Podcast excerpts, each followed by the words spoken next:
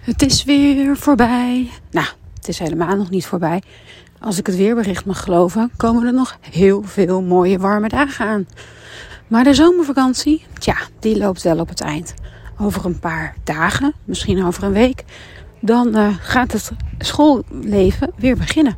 Het schoolleven of uh, je werk, dat je weer terug moet naar een kantoor of naar een andere plek waar je werkt. En uh, dat gaat vaak gepaard met enig tegenzin. Dat je denkt, oh, nee hè, ik moet weer. Tja, en dat is natuurlijk niet echt helpzaam. Of hoe zeg je dat? Helpzaam? Nee, dat helpt je natuurlijk niet echt om gemotiveerd de nieuwe dag te starten. De nieuwe eerste schooldag of de nieuwe eerste werkdag. Hoe kan je dat nou een beetje voorkomen? Kijk, het is natuurlijk gezond, hè. Ik noem wel eens, uh, ik heb gezonde tegenzin. Niemand staat te springen om zo'n hele vrijdag in één keer acht uur te moeten werken of in de schoolbanken te moeten zitten. Maar als je daar heel zwaar aan tilt, dan wordt het wel heel lastig om goed van start te gaan. Dus hoe kan je daar nou mee om? Met die negatieve gedachten. Ik heb het nu over uh, hè, de vakantie die stopt en dat je weer aan de slag moet. Maar het kan ook over andere dingen gaan. Denk eens aan een verplicht familieuitje waar je helemaal geen zin in hebt. Of denk eens aan een klus die geklaard moet worden waar je al weken tegenop zit. Een proefweek of een uh, tentamenweek of een toetsweek. Nou, al dat soort dingen die jou niet blij maken in eerste instantie. Waar je enorm tegenop ziet. Hoe kan je daar nou mee omgaan? Eigenlijk is het heel erg belangrijk om je gedachten te veranderen over hetgeen waar je tegenop ziet of waar je geen zin in hebt. Het werkt al bijvoorbeeld om die gedachten die je hebt, de negatieve gedachten, om die eens even goed te bekijken. Ik hou het even bij het vakantievoorbeeld. Stel je voor dat ik zeg: Hé, jakkes, volgende week moet ik weer naar mijn werk.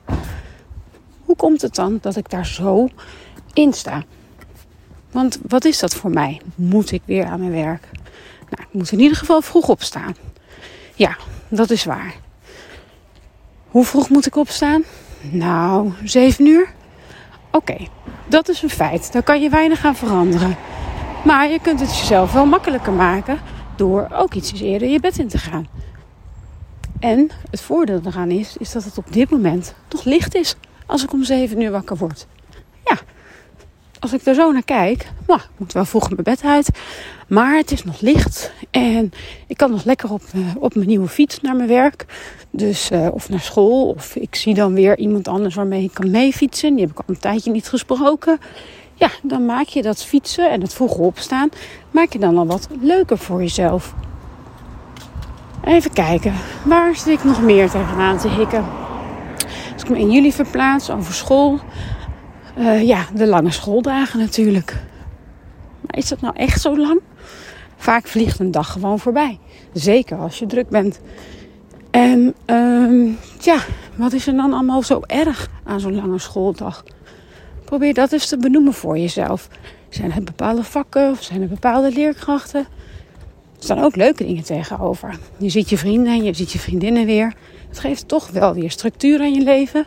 Misschien miste je dat een beetje. Lag je doelloos op de bank met de telefoon in je handen, niet wetend wat te doen. Daar heb je straks geen last meer van. En wat komt er dan nog meer bij? Waardoor je je negatief voelt over je nieuwe school. Of tenminste, je nieuwe school. Het moment waarop je weer naar school moet. Dus even bekijken. Wat dacht je van het huiswerk? Ja, dat huiswerk, daar zit je natuurlijk ook niet op te wachten. Hoe kun je dat nou leuker maken voor jezelf? Nou, in ieder geval te zorgen voor het juiste leerritme. Ga niet uren achter elkaar zitten blokken. Maar maak gebruik van de Pomodori-techniek. Daar heb ik een blog over geschreven. Die kan je best eens nalezen. En maak ook gebruik van je piekmomenten. Als jij uit school het echt niet meer in staat bent om wat te lezen of te leren, doe dat dan ook niet. Zorg ervoor dat je je energie weer gaat krijgen door bijvoorbeeld even te gaan sporten. En als je dan thuis komt, dan is het een stuk makkelijker om je boeken te pakken. Knip je werk op in kleine stukjes. nou ja, daar ga ik nu niet te veel op in. Dat staat ook allemaal in een podcast over leertechnieken. Luister daar nog eens even naar voordat je aan school begint. Het gaat er eigenlijk om in deze podcast dat je je eigen negatieve gedachten kritisch kunt bekijken en er dus noods een cijfer aan kunt geven. Van hoe waar is dit nou?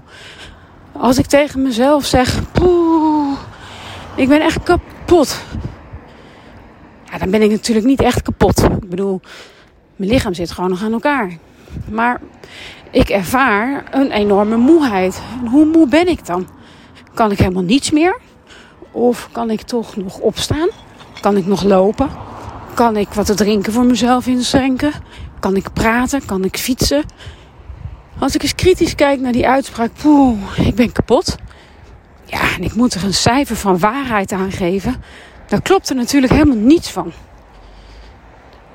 Beter is om dan te zeggen, jongen, jongen, of Paul, hè, hoe je dan ook wilt. Niemand zegt met jongen, jongen, kom ik nou weer op. Maar goed, in ieder geval laten merken dat je wel baalt, omdat je moe bent. En niet omdat je kapot bent. Als je tegen jezelf zegt dat je moe bent, kun je ook tegen jezelf zeggen wat je allemaal nog moet doen. En of dat wel lukt.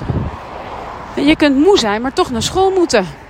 Tja, wat kun je? Kun je op de fiets naar school of kan je bij iemand achterop op een brommer? Of uh, kun je met de bus of de trein?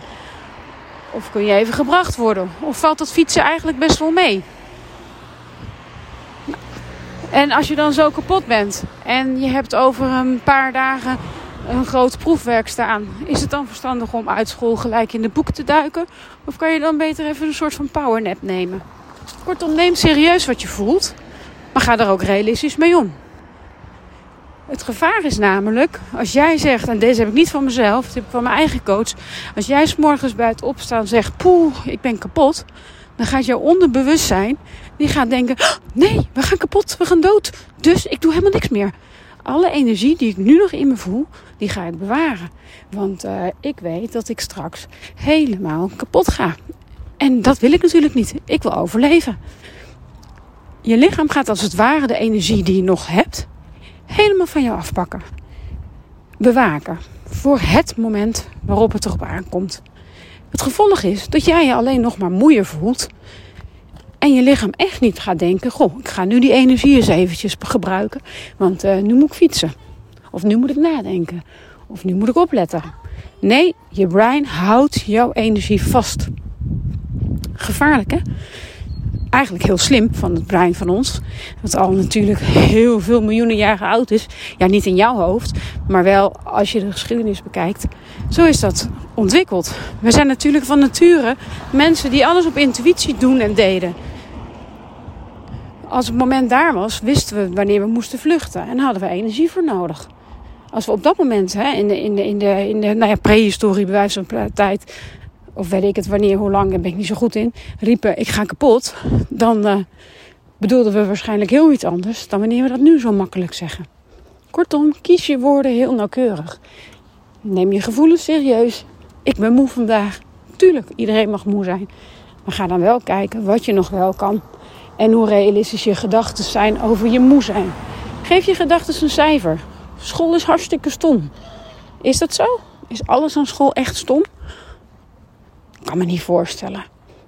Al is het maar de lekkere snack in de kantine. is toch nog wel een cijfertje waard.